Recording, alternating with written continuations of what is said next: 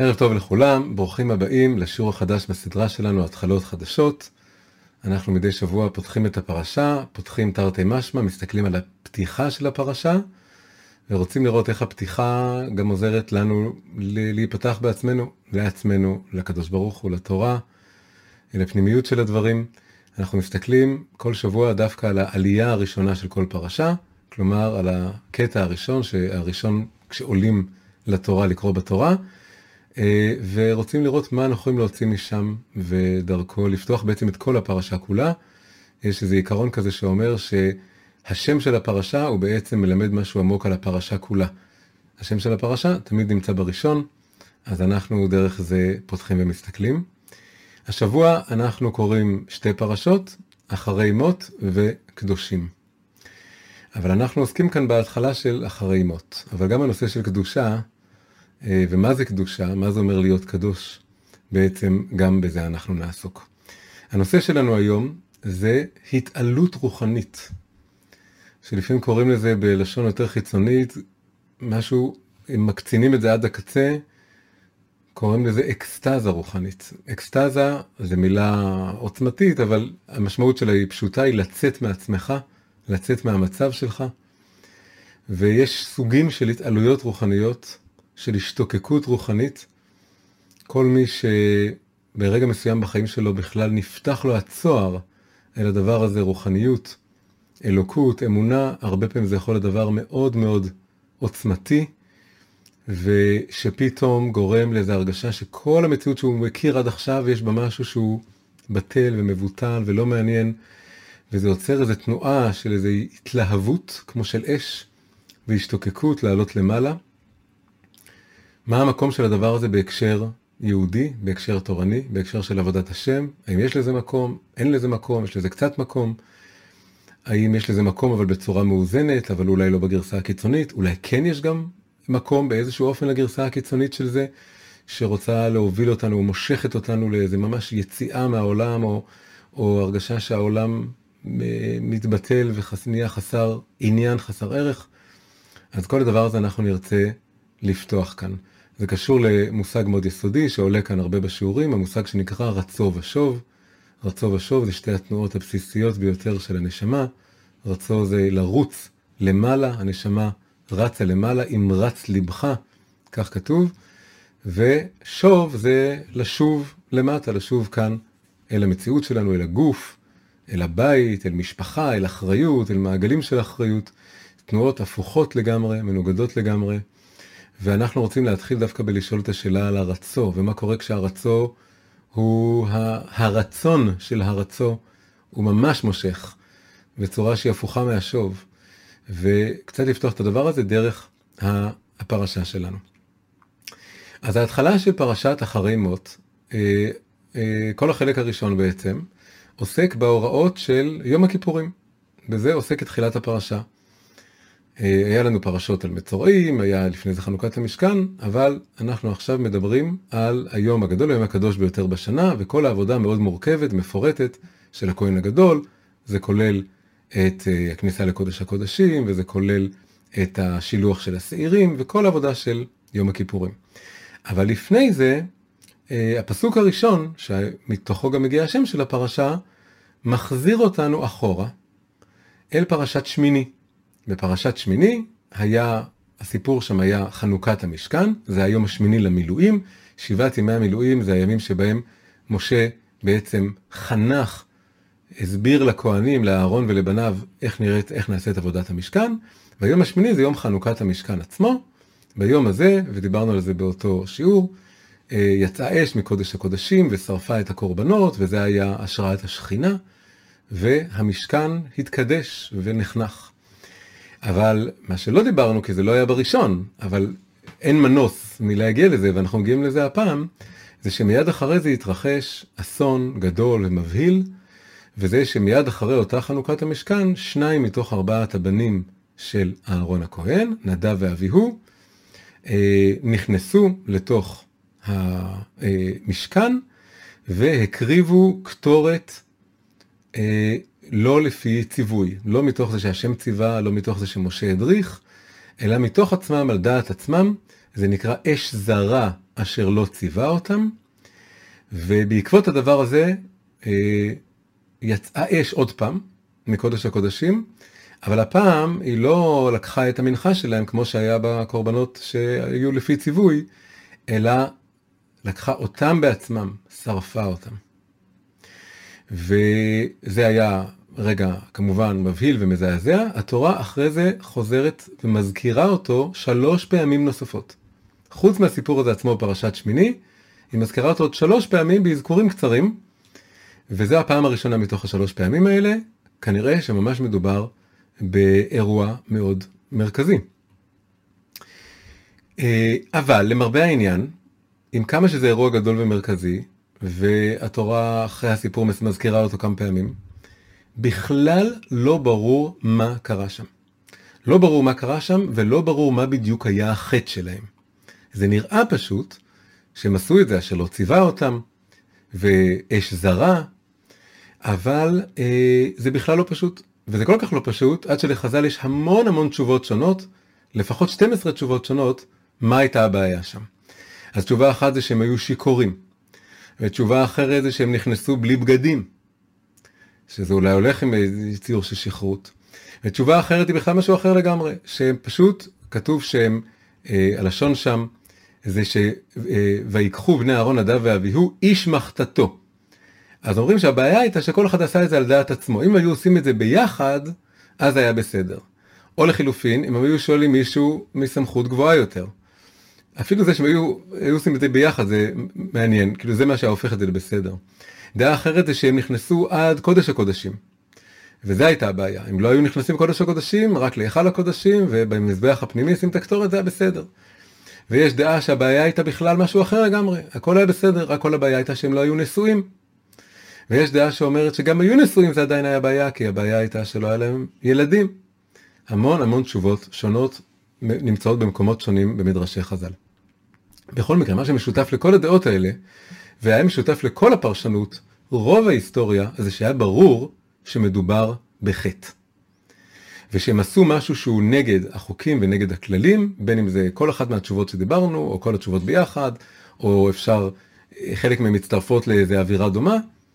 אה, בכל מקרה מדובר בחטא, ברור שהיה מדובר בחטא, משהו פה היה לא בסדר, וממילא זה שיצא אש ושרפה אותם זה היה עונש.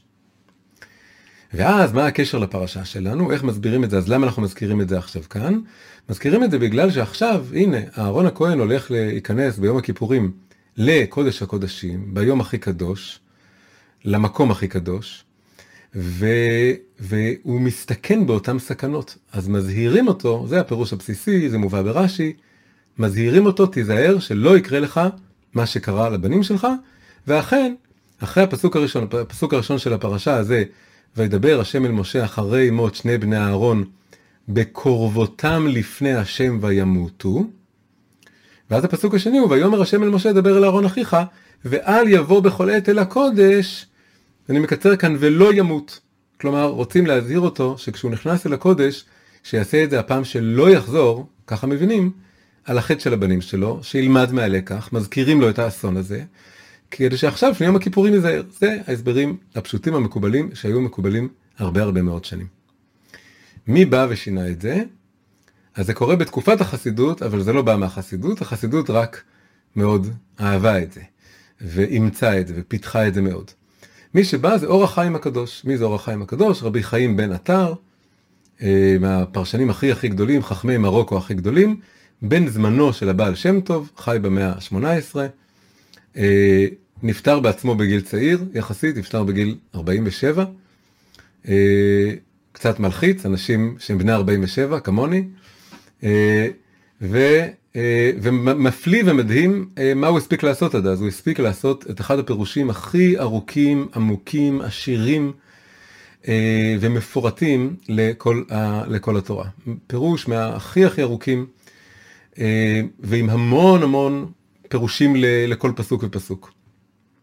הוא אגב קבור בירושלים, והחסידים תמיד אומרים שאם הוא והבעל שם טוב היו נפגשים המשיח היה בא, יש מין אמירה כזאת.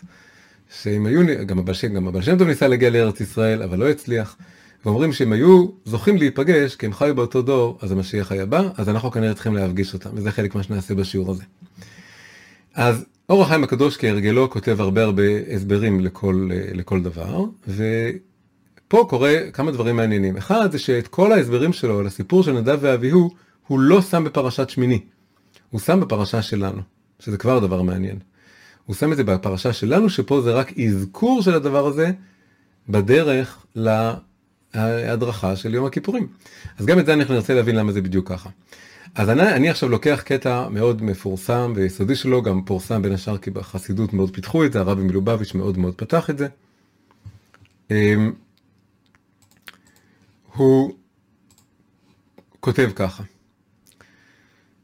אמ, הפסוק בתחילת הפרשה שלנו מביא ביטוי חשוב בקורבותם לפני השם. הוא לא אומר שהם הקריבו אה, אש זרה, הוא לא חוזר על הביטוי שהיה מקודם אשר לא ציווה, הוא מביא ביטוי חדש בקורבותם לפני השם, שהם התקרבו לפני הקדוש ברוך הוא, והוא נתפס מאוד מאוד למילה הזאת. ואז הוא אומר את הרעיון המאוד מפתיע הבא, ועוד פעם, אנחנו מדברים על המאה ה-18 למניינם, זה הרבה שנים לתוך דורות על דורות של פרשנים, שעד כמה שידוע לי, אף אחד לא אמר רעיון כזה קודם לכן, כי כולם אמרו שהם, אה, שהם חוטאים. אז הוא אומר ככה, הייתה, מיתתם הייתה על הדרך בקרבתם לפני השם, פירוש שנתקרבו לפני האור העליון בחיבת הקודש. חיבת הקודש. חיבבו, אהבו את הקודש. ובזה מתו, והוא סוד הנשיקה שבה מתים הצדיקים. ומה זה מיתת, מיתת, מה זה הנשיקה שבה מתים הצדיקים? זה נקרא מיתת נשיקה. מה זה מיתת נשיקה? כתוב שיש הרבה הרבה דרכים למות, והדרך הכי הכי טובה והדרך בעצם האידיאלית למות נקראת מיתת נשיקה. מיתת נשיקה זה כמו שמישהו, בציור הכי פשוט שלנו זה מישהו שנפטר בשנתו, בלי סבל, וזה קצת כאילו הקדוש ברוך הוא מנשק אותו. זה ממש גילוי של אהבה, זה בכלל אין פה לא סבל ולא מחלה ולא קושי ולא כאב. כתוב שגם משה וגם אהרון וגם מרים, שלושתם מתו מיתת נשיקה. וזה כמובן ציור, דימוי מאוד מאוד חזק לחיבור אינטימי עם הקדוש ברוך הוא, כל כך אינטימי, נשיקה, נשיקה זה אפילו יותר אינטימי מייחוד גופני הרבה פעמים, בגלל שזה במישור הראש, הפנים, האישיות, הרוח. זה לא משהו ברובד הגשמי. זה פחות גשמי, זה הרוחני שבגשמי. אז הנשיקה הזאת, בגלל האינטימיות והקרבה, היא, היא, אמרנו שיש פה רוח ברוח, זה זיווג של רוח ברוח, אז היא יכולה גם ליטול את הרוח. וכשמגיעים לכזה קרבה וזיקה וחיבור והשקה לאלוקות, אז הנשמה פורחת. והנה הם שווים למיתת כל הצדיקים. אז תראו, קודם כל זה באמת מהפכני, הוא הופך אותם לצדיקים. הוא אומר שהם מתו מיתת נשיקה, אלא, הוא מוסיף, שההפרש הוא שכל הצדיקים שאנחנו רגילים ומכירים שיש להם מיתת נשיקה, הנשיקה מתקרבת להם. ואילו הם, נדב ואביהו, נתקרבו לה. והוא אמרו בקרבותם לפני השם.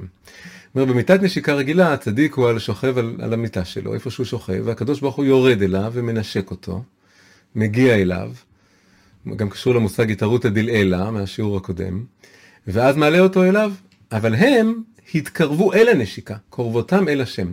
זו אותה מיטת נשיקה, רק שזה בא מהיוזמה, מהתנועה של ההשתוקקות שלהם, שהם עלו למעלה.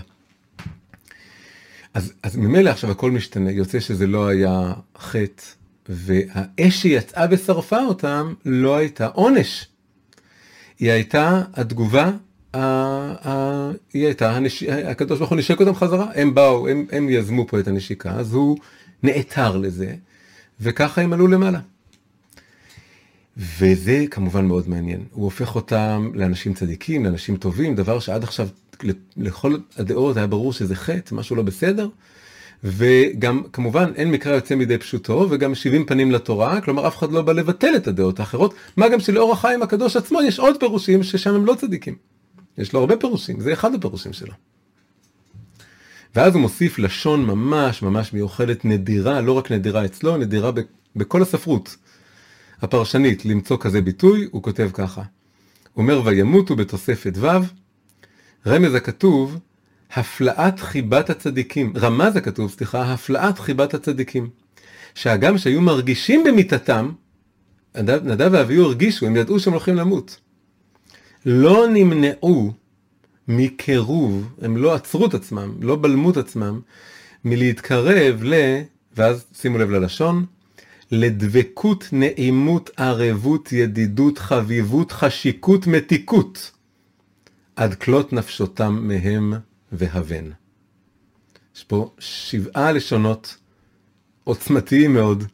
דבקות, נעימות, ערבות, ידידות, חביבות, חשיקות, מתיקות. אחת הגרסאות זה לא חשיקות אלא נשיקות.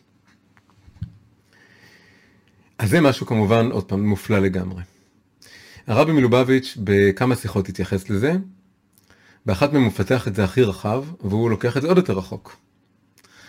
והוא אומר ככה, הוא אומר, אחרי שבפרשת שמיני, אחרי שהם מתים, אז אה, משה רבנו בא לנחם את הארון, והוא אומר לו את הביטוי בקרוביי אקדש. ומזה לומד הרבי, שהם השלימו את קידוש המשכן. אומרת, קידוש המשכן היה בשני שלבים, אהרון לא הצליח לקדש אותו עד הסוף. למשכן באופן כללי זה דבר יסודי, למשכן יש חיצוניות ופנימיות, וזה משתקף במזבח החיצון והמזבח הפנימי. המזבח החיצון הוא מזבח לקורבנות, מביאים עליו קורבנות ומקריבים אותם למעלה. והמזבח הפנימי הוא פחות מגושם, הוא רק לעניין של קטורת. מה ההבדל בין קורבן לבין קטורת? קורבן זה מתודעה של נפרדות, מישהו שהוא נפרד הוא צריך להתקרב. קטורת, שזה גם יותר עדין ורוחני, זה ריח, זה ענן, זה הכל משהו הרבה יותר עדין, זה מלשון קשר. ככה תמיד מסבירים שהמילה קטורת היא קשורה למילה קשר. שין בעברית הופך לתף או ט' בארמית, אז קטורת, אפשר, השורש קטר, אפשר לקרוא כקשר. אז קטורת קשור, מזוהה עם ביטוי של התקשרות פנימית. אז חיצוניות המשכן ופנימיות המשכן זה כמו חיצוניות הלב ופנימיות הלב. חיצוניות הלב זה מקום שבו קשור יותר לנפש הארצית שלי או הבהמית שלי, זה הדבר שאני צריך להקריב אותו, זה הדבר שבונה אצלי תחושת הריחוק מהקדוש ברוך הוא, שיש לי גוף, שיש לי אגו, שיש לי תאוות, שיש לי... אני מחובר לחומר. ומצד החומר הזה אני צריך להתגבר על זה ולהקריב את זה, ומתוך ההקרבה הזאת שמתחילה מהריחוק שלי אני יכול להתקרב. אבל במזבח הפנימי קורה משהו הרבה יותר עדין מזה, שם זה הנשמה נזכרת שהיא כבר קשורה לקדוש ברוך הוא, זה לא מצד הגוף שצריך לעשות פה איזה הקרבה, זה מצד הנשמה שהיא כבר קשורה והקטורת, הריח רק מזכיר את הקשר הזה. אז הוא אומר שכשאהרון הביא את כל הקורבנות באותו יום שמיני, יום חנוכת המשכן, זה הכל היה למזבח החיצון, ובאה אש, ושרפה אותם, קיבלה אותם, שזה מראה שהם התקבלו. אני אומר, כל זה רק היה המזבח החיצון, כלומר. המשכן כולו התקדש, או עבודת הלב היהודית רק התקדשה, רק נבנתה מהחיצוניות שלה. כלומר, היה יפה שהוא הקריב קורבן, והקורבן התקבל והיה אש, וזה כבר לכאורה זה השראת שכינה, אבל הוא אומר, זה היה השראת שכינה רק על הרובד של החיצוניות של המשכן. והפנימיות של המשכן, מי פעל את הקידוש של הפנימיות של המשכן? נדב ואביהו. הוא ממשיך עם אור החיים הקדוש, הוא כל הזמן מדגיש, לשיטתו של אור החיים הקדוש.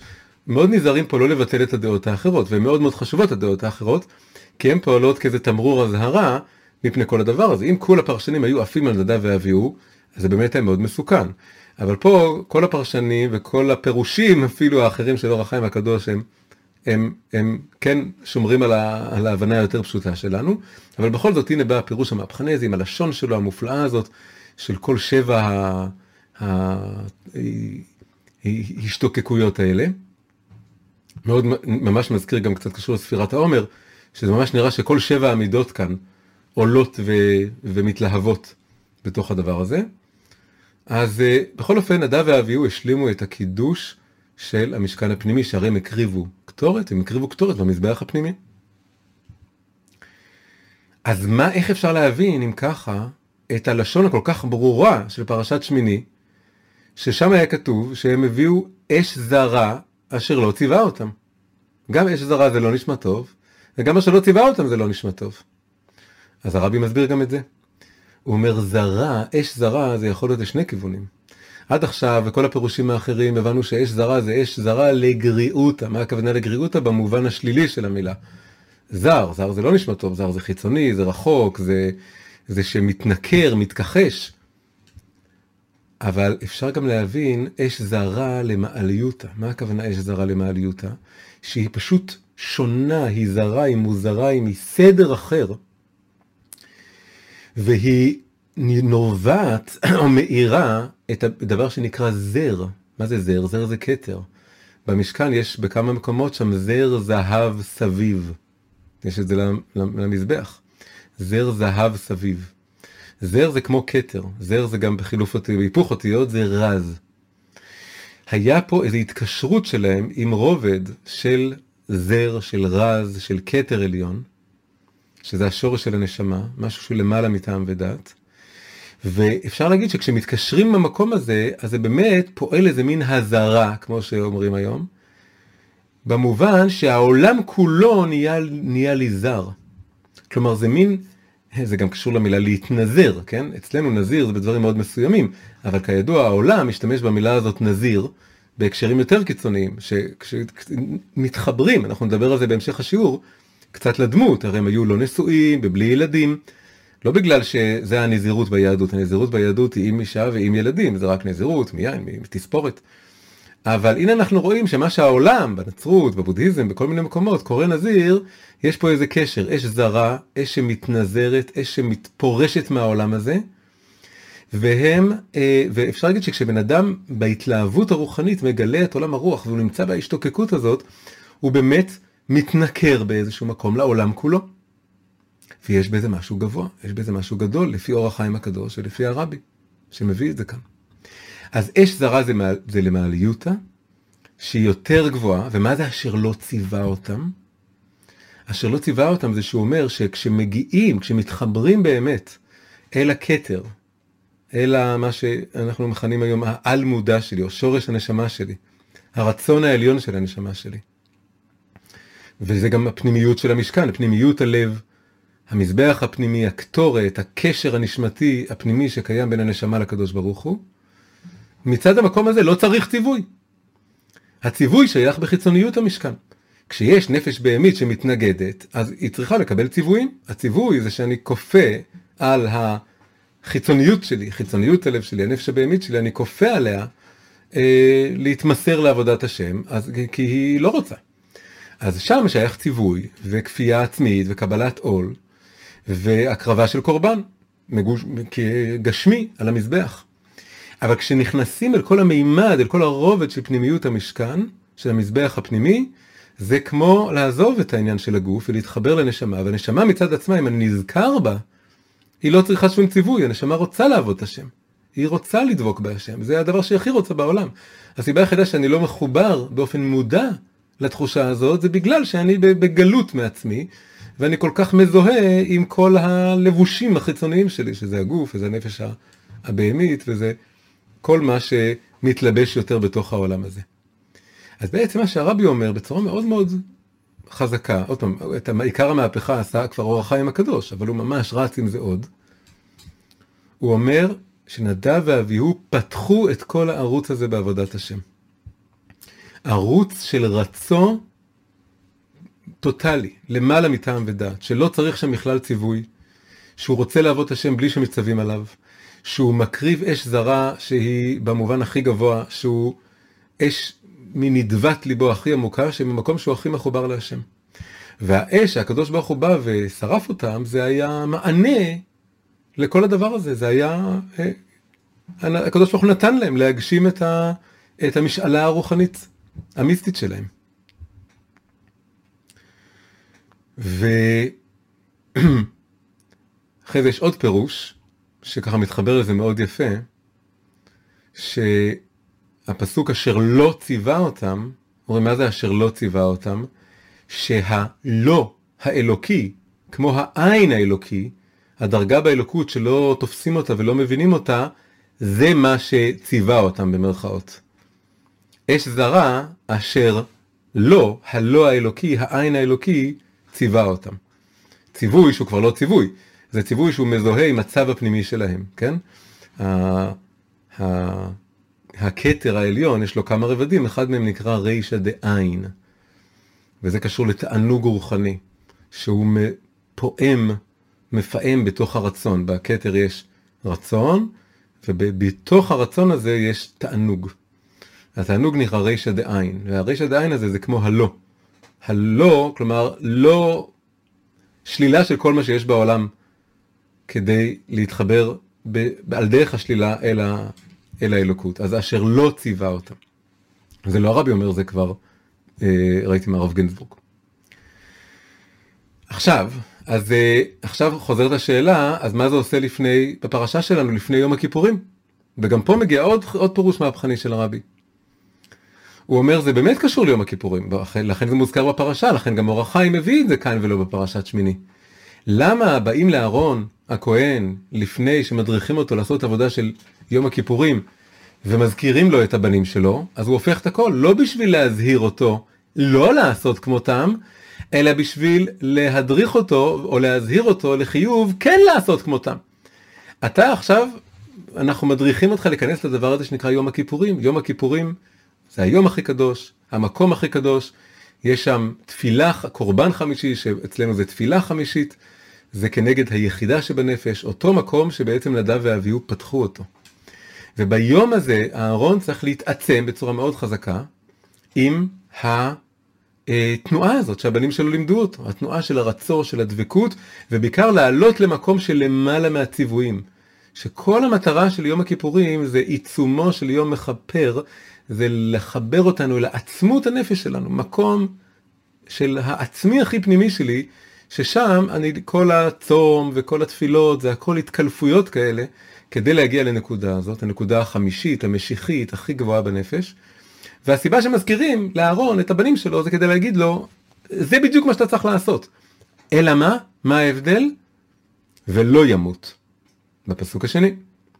מזכירים אותם, אומרים, אבל עכשיו אנחנו רוצים שתעשה את זה בלי למות.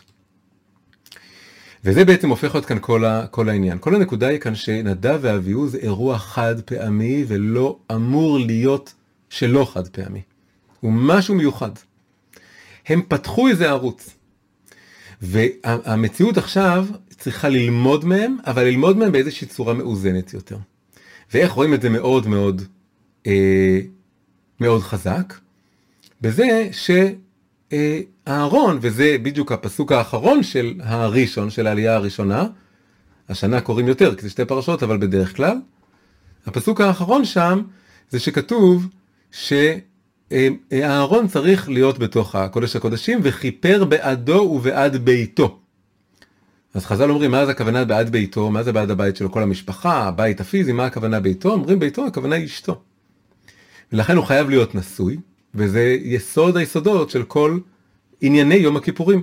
כל מסכת יום הכיפורים במשנה, אחרי זה בגמרא, מי שלומד דף יומי זה ממש עכשיו, הכל מתחיל מהנושא הזה, שהוא חייב להיות נשוי ואפילו לפי אחת הדעות, חי... חייבים להכין איזה אישה ספייר במרכאות.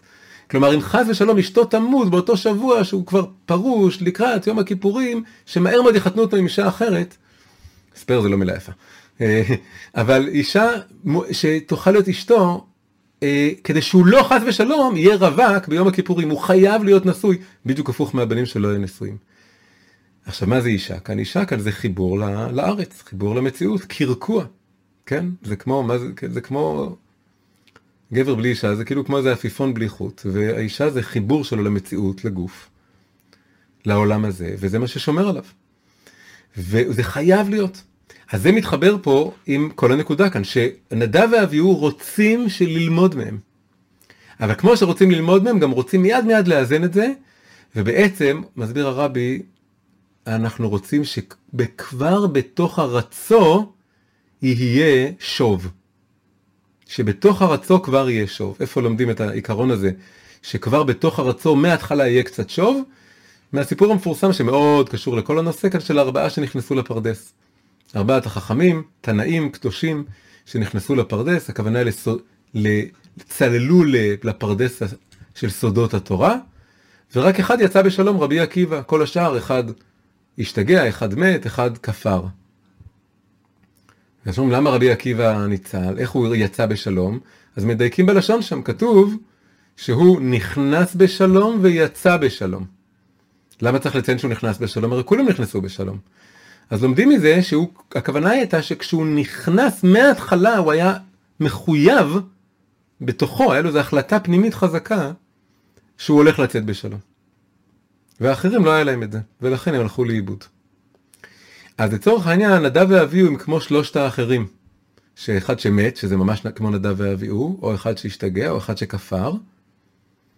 והם נכנסו, כמו שהאור החיים הקדוש, הם ידעו שהם הולכים למות, והם לא היה אכפת להם. ורבי עקיבא נכנס בשלום ויצא בשלום. אז אהרון הכהן כאן צריך להיות כמו רבי עקיבא, אבל החידוש המתאים שיוצא מאור החיים הקדוש ומהרבי, הוא שהפכנו את נדב ואביהו לדבר חיובי. שבאמת צריך להיות רצו עד הסוף, מין רצו כזה, שבאמת מוכן לעזוב הכל, וללכת על הכל לגמרי, רק שעכשיו אנחנו רוצים לאזן את זה יחד עם תנועה של שוב. איפה רואים את זה בעוד הקשר? משה רבנו הוא הנביא היחידי, ש... וכמעט אחד היחידים בכל ההיסטוריה של היהדות, ש... מהחכמים, מה... מהצדיקים, שלא היה, נשוי, שלא, הוא כן היה נשוי, אבל שכשהוא התחיל את ההתנבאות שלו, את השליחות שלו, מאותו רגע בעצם מהר סיני והלאה הוא פרש מאשתו. לכל ה-40 שנה האחרונות של חייו. וזה עורר קטרוג עם מרים והרבה דברים. ולמה הוא היה צריך לפרוש? מנהק הוא היה צריך להיות מזומן לנבואה בכל רגע ורגע, והיה לו נבואה ממדרגה אחרת לגמרי, שנקראת ספקלריה המהירה. אבל זה חד פעמי. אצל מרים ואהרון זה לא אמור להיות ככה. וגם פה נדב ואביהו שהיו בלי אישה ובלי ילדים, או בלי בגדים, או בלי... או עם... אה, על דעת עצמם, עוד דבר שמתחבר, שאמרנו שכל אחד עשה על דעת עצמו. כל הדבר הזה זה משהו מאוד מאוד מיוחד, שעד עכשיו שללנו אותו, אבל אור החיים והרבי אומרים, לא, לא, לא, אבל תדע לכם, יש שם משהו עמוק, עמוק לכולם. ולכן צריך להזכיר אותו בכוונה לאהרון הכהן ב... לפני שמסבירים לו על יום הכיפורים, וממילא גם להסביר לכולנו. כשאהרון הכהן נכנס לקודש הקודשים ביום הכיפורים, אז בכל אחד מאיתנו זה קצת קורה, יש בכל אחד מאיתנו איזה כהן גדול, ויש קודש הקודשים, ויש יום הכיפורים, וכולנו שם איתו בדבר הזה. הוא, הוא לא מכפר רק על ביתו, זה קודם כל על ביתו, ואז זה על כל בני ישראל. אז כולנו שם איתו, וכולנו צריכים ללמוד את הדבר הזה. אז אנחנו צריכים להיות ברצו הזה, הרצו של נדב ואביהו, אבל שיהיה שם גם שוב. במאמר מוסגר נוסיף פה משהו מאוד מאוד יפה, שפתאום נראה מוזר, אבל מסתדר לפי כל הפירוש הזה. אה, הרש"י, ממש על תחילת הפרשה, הוא אומר, למה היה צריך להזכיר שנדב ואביהו מתו? אז הוא אומר שהתורה היא כמו רופא. אם רופא נותן לך אזהרות, ורק אומר את האזהרות, מה אתה צריך לעשות כדי לא למות, אוקיי, זה קצת פועל. אבל אם הוא אומר לך, תעשה כך וכך כדי שלא תמות, זה הרבה יותר מזעזע את, ה, את הפציינט, והוא ישמור על זה הרבה יותר טוב. אז התורה היא כמו רופא שמזרז, רופא טוב, כזה שרוצה להבהיל את הארון, אז הוא מזכיר לו את המוות.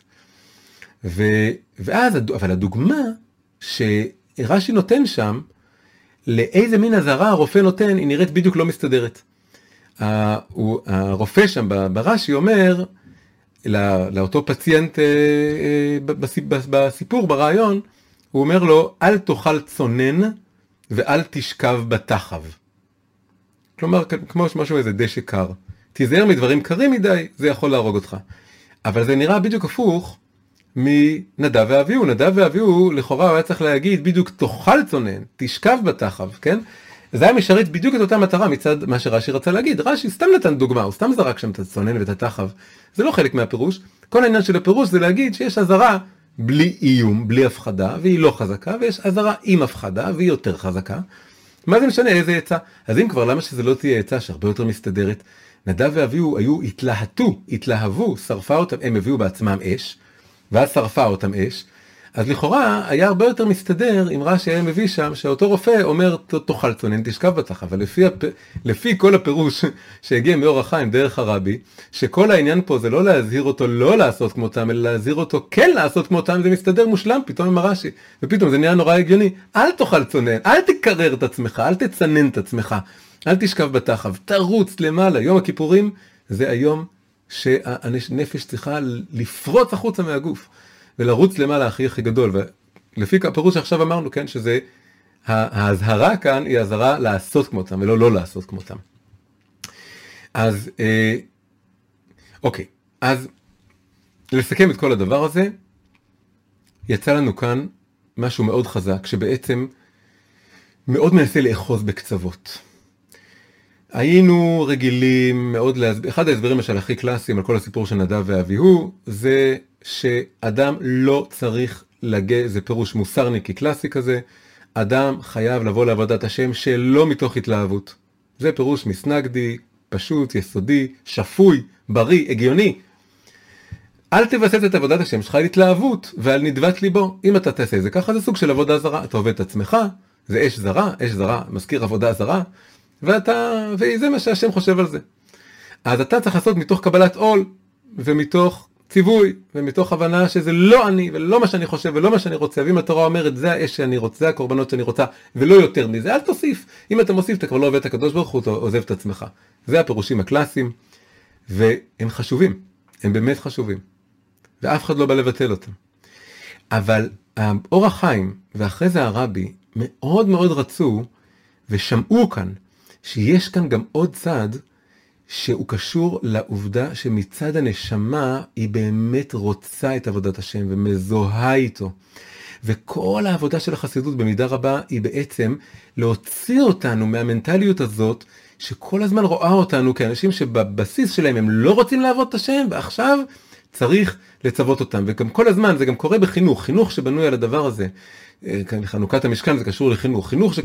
שמבוסס כל הזמן להסתכל על הילדים בתלמוד תורה או באיפה שלא יהיה וכל הזמן לחשוד ולהגיד הם, הם בטוח אף אחד מהם לא רוצה להתפלל ואף אחד מהם לא רוצה לעבוד את השם אז עכשיו כל הזמן צריך לבדוק אותם ולחשוד בהם ול, ול, ולהניח שהם בטח שאם לא נסתכל עליהם או לא נקפיד עליהם בטח לא יעשו את זה וזה דבר קיים במציאות.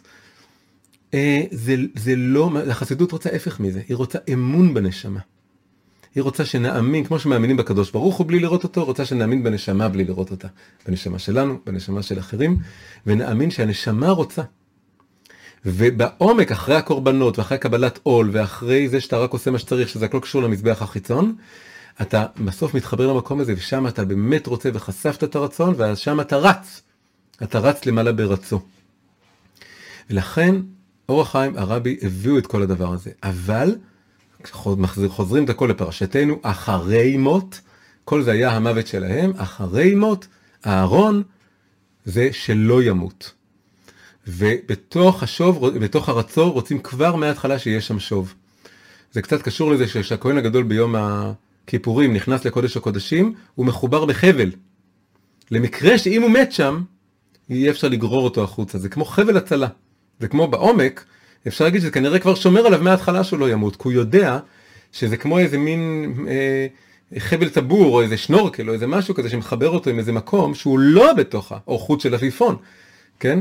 ש, ששומר עליו שהוא לא יעוף למעלה, זה קשור לאישה, זה קשור לכל, ה, לכל המציאות הזאת, ולכן זה אה, נסגר פה בצורה מאוד יפה, הראשון של, ה, של הפרשה מתחיל באזכרה שלהם ונגמר בכיפר בעדו ובעד ביתו, החובה הכל כך יסודית שהכהן הגדול יהיה נשוי, ושכל מסכת יומא נפתחת בנקודה הזאת כי היא כל כך, אה, כל כך יסודית. עכשיו אני רוצה שרגע נ, נ, נעצור את זה, ו, ונעשה רגע איזה טיול למחוזות אחרים. הזכרתי קצת ש, אה, שהמילה נזיר, הרעיון של הנזורה, הרעיון של פרישה, ריצה, יציאה חזקה כזאת מהעולם, היא דבר שכמובן קיים בדתות אחרות וקיים ביתר שאת. כלומר, אחד הדברים שהכי הכי חזק שרואים בהרבה דתות, גם במערב וגם במזרח, זה זיהוי מאוד בסיסי של המילה קדושה, פה זה קצת מתקשר לפרשה הבאה, שהמילה קדושה היא, בכלל קדושה גם אצלנו קשור בפרישה, כן? להיות קדוש זה לפרוש מכל מיני איסורים, מכל מיני דברים ארציים. קדוש זה נבדל, הקדוש ברוך הוא הדבר הכי נבדל, והוא שורש כל הקדושה. אבל בהרבה מקומות מזהים עד כדי כך את הנושא של קדושה עם פרישות, שבעצם כל השאיפה וזה הפוך מאצלנו, שקדושים תהיו זה לחיות בתוך המציאות הארצית, אבל מתוך, עם הרבה התקשרות והתחייבות אליה, כי אישה זה ילדים, זה משפחה, זה מחויבות, זה בית, זה אחריות, זה משכנתה, זה המון דברים. אבל הנטייה בהרבה דתות היא שמי שבאמת רוצה להתקדש, הוא חייב לפרוש מזוגיות, לפרוש מילדים, לפרוש מרכוש. זה קצת מתחבר עם זה שלנדב ואביהו גם לא היה בגדים, כן? אמרנו שלא היה להם אישה ולא היה להם ילדים וגם לא היה להם בגדים לפי אחת הדעות. זה כמו, מה זה אחד בלי בגדים? זה כמו אחד שרוצה להיות בלי רכוש בכלל. אז הדבר הזה מאוד מאוד מאפיין אה, הרבה דתות. אבל אני רוצה ספציפית לדבר על זה שני דברים שאצלי מסתובבים בראש. הם קשורים בשניהם, זה דברים שראיתי, פגשתי, דיברתי לפני שנתיים, כשיצא לי להיות בהודו. הייתי בהודו חודשיים בבית חב"ד, בשני בתי חב"ד. ועשינו מה שעושים בתי חב"ד, לימדנו, התוועדנו, עשינו חגים, עשינו ליל הסדר. אבל גם uh, השתדלתי להסתובב ולדבר עם אנשים, ו... ושני דברים מאוד נחקקים לי, מאוד נחקקו לי שהם מאוד חזקים, שמאוד מאוד מתחברים לכל מה שדיברנו כאן. בדרמסלה, שזה העיר בצפון הודו, ששם זה בין השאר המשכן של המנהיג של הבודהיזם הטיבטי, שגלה מארצו בטיבט, בגלל שהסינים כבשו אותה. וזה מרכז גדול שלהם. ויש להם שם מתחם. למה שנקרא, לטמפלס אסור להיכנס, אבל למתחם אפשר להסתובב. והלכתי לשם. עכשיו הרקע למה שאני רוצה לתאר זה ש... אה, שלא יודע, אחד הדברים שקרו מאז הכיבוש של טיבט, מדובר כבר כמה עשרות שנים טובות, אמ, אחת לכמה זמן, וזה לדעתי קרה כבר כ-160 פעם, כלומר זה קורה כמה פעמים בשנה בממוצע, אה, איזה נזיר טיבטי כמחאה פוליטית או מתוך אה, איזה דחף פנימי מאוד גדול, הם עושים דבר באמת מזעזע מאוד, הם מציתים את עצמם. מה שרואים מדי פעם בעולם זה בדרך כלל אנשים מעורערים בנפשם, למרבה הצער זה גם קרה לאחרונה פה בארץ. מישהו שהופכים על עצמם דלק, מציתים את עצמם. אבל שם זה קרה לא איזה אחד או שניים, זה קרה ל... למעלה מ-150 איש. הם מוזכרים שם במוזיאון, יש כל התמונות שלהם. עכשיו בשום מקום בעולם, בשום דת, חוץ מאולי איזה כתות משוגעות, אף אחד לא יגיד לאנשים להתאבד, או יעודד אותם להתאבד, או אפילו יגיד שהתאבדות זה בסדר. אבל מה שהיה שם היה משהו מאוד קרוב לזה. מה אני מתכוון? חוץ מזה שזה היה מאוד מרכזי שם במוזיאון, כשנכנסים למתחם שם, מה שמקבל את פניך זה פסל ענק של נזיר עולה בלהבות. יכולים לחפש את זה בגוגל. פסל ענק, בגובה כמה מטרים, של נזיר עולה בלהבות. יכול להיות שזה מסמל את טיבט הבוערת, את המשך המחאה. מה שזה לא מסמל, זה דימוי מאוד חזק, זה אחד הדברים שגם זה נהיה מהתמונות הכי מפורסמות שפועלות, הם, יש להם איזה מין תקווה מסוימת שאולי העולם בסוף מספיק יזדעזע מהתמונות האלה ואז יפעילו לחץ על סין, הם, הם, הם, לא, הם לא בעד אה, מאבק אלים, זה חלק מהכל התפיסה שם. אבל אז אלימות כלפי חוץ אין, אבל יש פה איזה מעין מה שנראה כמו מין אלימות מופנמת, או משהו שהוא הולך כן אל עצמך, להיות אלים לאחר אסור. אבל את ההצתה העצמית הזאת והציור הכל כך מבהיל הזה של איש בוער, הם מקדשים, ממש ברמה שזה כמעט הפסל. הפילוסופיה שם היא לא של עבודה זרה במובן של פסלים, זה פילוסופיה מאוד שאין לה אלי לא אל, אבל היא רוצה להגיע לאיזה מין עיון כזה, כמו שדיברנו, אבל לא עיון מול אלוקים שאפשר לפנות אליו בלשון אתה, זה באמת מין... אבל אם יש דימוי חזק שפועל שם זה הדבר הזה. הציור הזה של איש בוער, הוא בעצם, כתוב שכל דבר בעולם, גם דברים שמצד הקליפה, וזה בוודאי מצד הקליפה, יש להם שורש בקדושה, זה לעומת זה עשה אלוקים. לכל דבר יש ניצוץ ואיזשהו שורש, גם בצד של הקדושה, רק שהוא הפוך. הפוך אבל דומה, זה נקרא זה לעומת זה. אז כנראה השורש של כל הדבר הזה נמצא בנדב ואביהו. נדב ואביהו, שבוודאי לפי הפירוש הזה שהפכו אותם לצדיקים, שהיה להם איזה תשוקה והשתוקקות לדבוק בקדוש ברוך הוא. כלומר זה כבר שונה, כי בבודהיזם אין, אין בזה את הקדוש ברוך הוא, זה רק לעמוד מול איזה ריקנות, כמו שהם קוראים לזה. או ריקות. זה שונה מאוד מה, מהנשיקה האינטימית עם ברוך אתה השם אלוקינו. זה הבדל, להבדיל בין קודש לחול. אבל הציור של התשוקה הרוחנית הזאת, של העלייה, הוא, הוא כמובן דומה. והציור של איש בוער, אחרי זה גם זה מתחבר עם עוד דבר, וזה שכידוע, אנחנו כבר, יש במערב הרבה השתוקקות, הרבה מיאוס במטריאליזם, בחילוניות, במודרניות, שהמערב הגיע אליו, שהיא הייתה כל כך קיצונית. אז כבר, כבר הרבה הרבה שנים, שכל מי שמתעורר לחיידק הרוחני, הוא הולך לחפש במזרח. וזה נקרא New Age. איך קוראים לפסטיבל ה-New Age הכי גדול בעולם? כמה שידוע לי. פסטיבל ה-New Age הכי גדול בעולם, קורה פעם בשנה בקיץ, באזור היום הכי ארוך, בארצות הברית, קוראים לו Burning Man, האיש הנשרף. וזה משתלשל מאותו פסל שם ב, ב, ב, ב, של הבודהיזם הטיבטי, וזה ו, ומשתלשל מצד ה... שזה גם לובש צורה הפוכה, כנראה מנדב ואביהו. והשיא של הפסטיבל הזה זה שבונים שם פסל ענק מעץ, וביום האחרון, בלילה, מציתים אותו. וכולם רואים את המחזה העוצמתי הזה, של איש גדול נשרף, כמובן הם לא ישרפו אנשים, ודרך זה מנסים להתחבר לתנועה הזאת בנפש. זה מאוד מגושם, זה מאוד חיצוני, גם הפסטיבלים האלה, אבל רואים שם את, ה, את הדימוי הזה. הדימויים, כל הדימויים הכי חיצוניים בעולם, בסיפורים, באגדות, בסרטים, בפסטיבלים כאלה, צריך מאוד מאוד להפשיט אותם, לקלף אותם, להגיע לנקודה. הנקודה כאן שכל הנשמות שבאות למקום הזה, זה שהן רוצות להתחבר אל האש קודש הזאת. אל איזשהו אש של השתוקקות ועלייה למעלה. נמסר לי לאחרונה מיודעי דבר, שבעולם המערבי רוב המורים לבודהיזם יהודים. ובמזרח זה ודאי לא ככה, אבל במערב זה ככה. כלומר בעולם, במרחב המערבי, אנשי מערב שמחפשים בודהיזם, יותר מ-50% הם יהודים. ומה הם מחפשים, מה הם רוצים? הם רובם מן הסתם לא מכירים כל כך יהדות. או שמה שהם הכירו לא סיפק אותם. בדרך כלל אנשים שאם פגשו, לא כל כך פגשו את פנימיות התורה.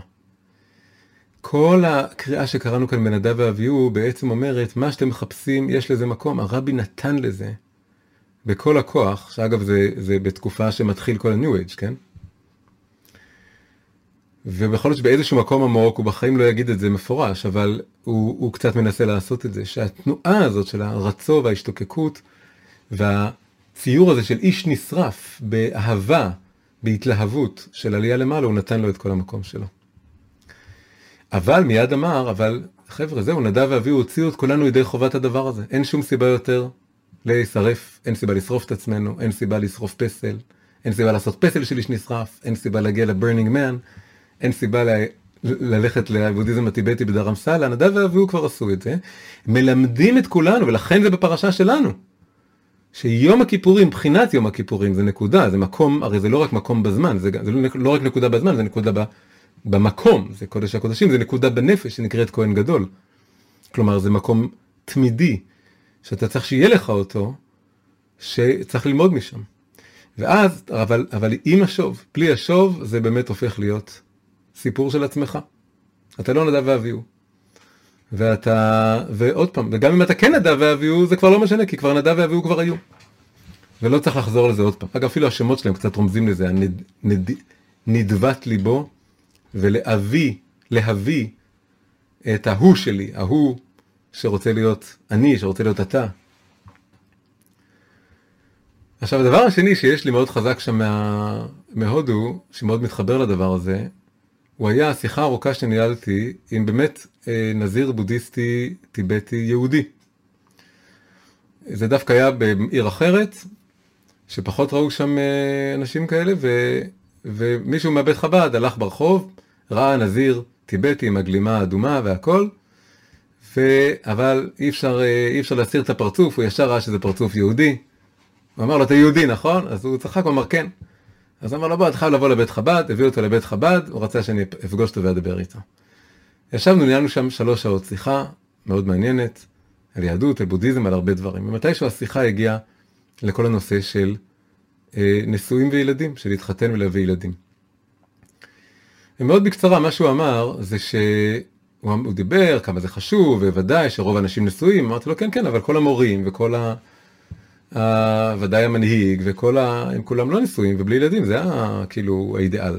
אז הוא הודה שכן, ואז ואז כששאלתי אותו למה, אז הוא דיבר על attachment, כן, זה מושג מאוד מרכזי בבודהיזם, על התקשרות, לא רוצים להיות קשורים לשום דבר בעולם הזה, וזו התקשרות מאוד גדולה ומחייבת, ומתי שהוא גם דיבר על זה, אה, ש...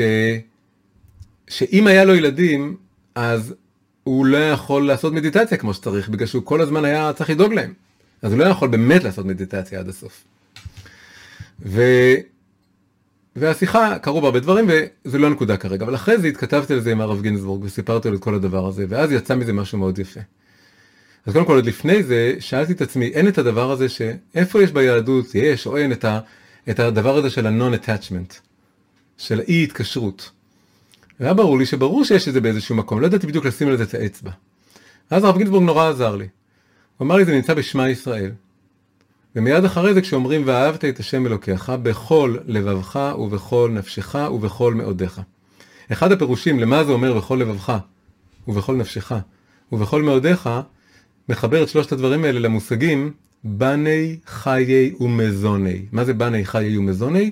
זה שלושת הדברים הכי יקרים לליבו של האדם הנורמלי, הרגיל. בני זה הילדים שלו, בהרחבה המשפחה שלו, חיי זה החיים שלו ובהרחבה הבריאות שלו, ומזוני זה המזונות שלו, הפרנסה שלו, ובהרחבה הרכוש שלו. בכל לבבך זה מי שאתה הכי אוהב בלב שלך. מי אתה הכי אוהב? את האישה ואת הילדים שלך. בני. בכל נפשך זה אפילו נותן את נפשך. זה החיים שלך. בכל מאודיך, אחד הפירושים זה בכל הכסף שלך, בכל הרכוש שלך. זה בדיוק מזוני. מה זה התנועה של שמע ישראל ששמים את היד על העיניים ועוצמים את העיניים ו... ויש אחת הכוונות זה הנכונות למסור את הנפש. זה בעצם הנכונות לעבוד את השם גם אם הוא ייקח ממני את כל הדברים האלה. אם הוא ייקח ממני את, המש... את האישה ואת הילדים שלי, אם הוא ייקח ממני את הבריאות שלי או את החיים שלי, ואם הוא ייקח ממני את כל הרכוש שלי והבגדים שלי והכסף שלי. זה הכוונה של בכל לבבך ובכל נפשך ובכל מאודיך. רק שמיד אחרי קריאת שמע ואחרי התפילה צריך מיד לחזור ולדאוג להם, ולדאוג להם ראשונים. אני צריך לדאוג לילדים שלי לפני שאני דואג לילדים אחרים ולאישה שלי, לפני שאני דואג לנשים אחרות ולבית שלי, לפני שאני דואג לחלקות של אנשים אחרים, לא בגלל שזה attachment במובן שזה אגו שלי או הרחבה של האגו שלי, במובן שיש לי אחריות על זה, ואחריות פועלת במעגלים. אני צריך לקחת אחריות על מה שקרוב לי ואני צריך, זה הופקד אצלי. זה לא האגו שלי או הרכוש שלי או הקניין שלי. אדרבה, אני בתנועה של הרצו, אני מוכן לגמרי לאבד את זה. ואז הוא אמר דבר מאוד יפה, הוא אמר, גם אותו נזיר, שאין לו אישה ואין לו ילדים וגם אין לו רכוש אגב, הוא הסתובב בעולם בלי שום כסף, אין לו כסף, אין לו ארנק, אין לו בית, יש לו טלפון שהוא קנה באיזה 20 דולר, אה, כדי שהוא יוכל לכתוב לאשרמים שהוא הולך ללון אצלם בצדקה, כי הוא, וכמובן גם נתנו לו שם ארוחה חינם בבית חב"ד. והוא מסתובב בלי כלום. אז הוא אמר, גם אותו אחד, הוא עדיין קשור לגוף שלו, הרי הוא לא יתאבד, הוא לא ישרוף את עצמו, אם כי אם הוא יעשה את זה, יהיה תמונה שלו שם במוזיאון, אבל הוא לא יעשה את זה, כי זה באמת לא הסדר, זה לא אורח החיים הרגיל. אבל הוא כן הולך עם הגוף שלו, ולמרות שיש לו גוף שבוודאי מסיח את דעתו מהמדיטציה, הוא בכל זאת עושה מדיטציה. אז אומר אותו דבר, למרות שאנחנו מתפללים, אל תביאני לא לידי ניסיון ולא לידי ביזיון. כלומר, מתפללים להשם, אל תביא אותי לידי ניסיונות. הסביר לי הרב גינזבורג, הוא אומר, יש לפעמים ניסיונות שהם מצווה. שהכל החיים זה ניסיון אחד גדול. ואחד הניסיונות שלי זה לעבוד את השם עם גוף, כמו שגם הוא עושה בדרכו, וגם עם אישה וילדים, וגם עם רכוש. ואדרבה, זה יותר גדול. כמו שאתה, למרות שיש לך גוף, אתה מצליח להיות דבוק בעליונים, אז גם אם יהיה לך אישה וילדים, וזה יהיה לך יותר קשה, נכון, זה ניסיון יותר גדול, אבל, אבל, ואז תגיד, ואז צריך להגיד, לא רק בכל נפשך, גם בכל אה, לבבך. וגם יהיה לך לרכוש, ודאי שזה יותר קשה עם הרבה נכסים, הרבה דאגה, וזה מתחבר אותך למציאות ולעולם הזה, אבל אז תוכל לקיים גם בכל מאודיך. וה, וזה יהיה באמת יותר גדול. זאת אומרת, ככל שאתה יותר עומד פה, בפרט בשלוש החזיתות, הממדים האלה, מול, מול המציאות, כן בהתקשרות, ככה העבודה של הנכונות להתיר את הקשרים האלה, שזה להיות בקטורת, בקשר רק עם הקדוש ברוך הוא, הרי קטורת אמרנו זה מלשון התקשרות, אבל התקשרות עם השם, ולא עם העולם הזה. כלומר, אתה צריך באותו רגע להתיר את כל הקשרים שלך. גם כנראה שהסיבה שהכהן הגדול יש לו אישה, וחייב שיהיה לו אישה שהוא נכנס לקודש הקודשים, זה כשהוא כאילו באותו רגע שם הקדוש ברוך הוא, ולפני שהוא מכפר עליה, הוא יישם רק עם הקדוש ברוך הוא בלעדיה, והוא חייב שיהיה לו אישה כדי שהוא יוכל לקיים בכל לבבך. שהוא יוכל להיות באותו רגע בלי האישה, למרות שיש לו אותה, אם לא היה לו אישה זה לא היה קונץ. ואז הוא הולך ומכפר עליה, ועל כל עם ישראל ועל כל העולם, וחוזר למציאות. ומפעיל את המציאות, מלא את הקורבנות של כולם. אז אה, אם נסכם את כל הדבר הזה, מה שבעצם עשינו כאן זה איזה מין מסע, טיול, לנקודה מאוד מהותית בקיום האנושי, שמאוד קשורה גם לנושא של הבדלים בין יהדות לדתות אחרות, שמאוד קשורה ל, ל, לכל הערוץ הזה, שאולי לא כולם מכירים אותו בעוצמה, אנחנו מאוד שונים זה מזה, ויש אנשים יותר רגישות רוחנית נקרא לזה מאחרים, או שלבים בחיים שהם יותר עם רגישות רוחנית מאשר שלבים אחרים. אבל כל מי שקשור באיזשהו אופן ברוחניות או בעבודת השם או באמונה, הוא מכיר את זה אפילו טיפה. הוא מכיר שיש תנועה שרוצה באיזשהו מקום לברוח, לדבוק, שמרגישה זרות מול כל שאר הדברים במציאות. וכל מה שניסינו ללמוד כאן זה שהתורה נותנת הד ומקום ואישור לתנועה הזאת בנפש, כולל לתנועה הזאת כמו שמצד עצמה היא רוצה לברוח מהכל ולהישרף למעלה. ומאשרת אותה, ומזהה אותה עם נקודה של צדיק בתוכנו, עם המזבח הפנימי, ועם הקטורת, ועם פנימיות הלב. ויחד עם זה היא גם אומרת שעכשיו חייב להיות כנגד הרצו שוב. והשוב הזה בעצם הוא לא רק חוזר למציאות, הוא גם מביא, ככה מורידים מהאור הזה חזרה לתוך המציאות. וככה מביאים אותו לעולם, מאירים אותו לעולם. וזה חייב להיות את התנועה הזאת במלוא, במלאות שלה. לא רק בלהיות בעולם במובן שאתה מסתובב, זה דווקא קשור לנושא של נישואין וילדים ורכוש ו... כי אחרת, אם אתה רק אומר, אני נזיר כזה, ואני, אותו מנהיג של אותו בודהיזם טיבטי, הוא, הוא אקטיביסט, הוא מסתובב בעולם, הוא כל הזמן מסתובב בעולם ומדבר ומנסה להשפיע על העולם. נראה שיש לו שוב. אבל הוא בעצמו באופן אישי כן ברצו, בגלל שהוא לא נשוי ובלי ילדים ובלי רכוש. אז השוב הזה שהוא עושה, אין בו הזדהות אמיתית, לא יכולה להיות בו הזדהות אמיתית עם מי שבאמת חי את השוב את העולם הזה. וממילא גם השוב הזה הוא נשאר משהו מאוד למעלה מעשרה טפחים קוראים לזה. זה, זה רעיונות מאוד כלליים כאלה, על חמלה, על משהו מאוד פשוט. זה לא משהו שנכנס לעובי הקורה של מחלוקות ודילמות וסכסוכים, ויכול להכריע, ויכול לבוא ולהגיד שיש פה צד שאולי גם צריך באמת להילחם בו, כי הוא לא יגיד את זה, הוא תמיד יישאר משהו פציפיסטי. בגלל שזה כל התנועה של השוב כאן היא שוב שהוא בעצם אחוז נשאר בתוך הרצו שלו, זה לא שוב אמיתי. כמו שאתה עושה רצו אמיתי, תן גם מקום לשוב אמיתי. הקדוש ברוך הוא ברא גם את העליונים וגם את התחתונים. ואדרבה, בסוף הכי מעניין אותו התחתונים, הוא רוצה איך מציאות שהכי רחוקה ממנו מגלה אותו ונזכרת בו, ובשם, בתוך זה חיים בדבר הזה. לא למעלה מעשר הטפחים, אלא עם כל הירידה וכל האחריות. אז ניסינו להעיר, לעורר, להזכיר את הדימוי הזה, הציור הזה של איש נשרף, ולעשות לו איזשהו תיקון. תיקון בחסידות זה לא לשלול אותו ולא לאשר אותו, זה להראות את הגרסה המתוקנת שלו, ואיך היא מעוגנת בתוך ההקשר השלם והמלא של עבודת השם, כמו שהתורה מסבירה לנו עליה. אז עד כאן השבוע. שלום, נהניתם מהשיעור הזה, אני ממש אשמח אם תעשו לו לייק, על הדרך אתם יכולים לעשות גם מנוי לערוץ ולא לשכוח ללחוץ על הפעמון, כך תקבלו עדכונים על כל שיעור חדש שעולה. ואם אתם רוצים לראות את השיעורים האלה גם הופכים להיות ספרים, אתם ממש מוזמנים להצטרף לקהילת השותפים שלי, קוראים לה לב חדש, ואת כל הפרטים אתם יכולים למצוא בקישור שמתחת לסרטון הזה. תודה ולהתראות ומוזמנים לצפות בשיעורים נוספים.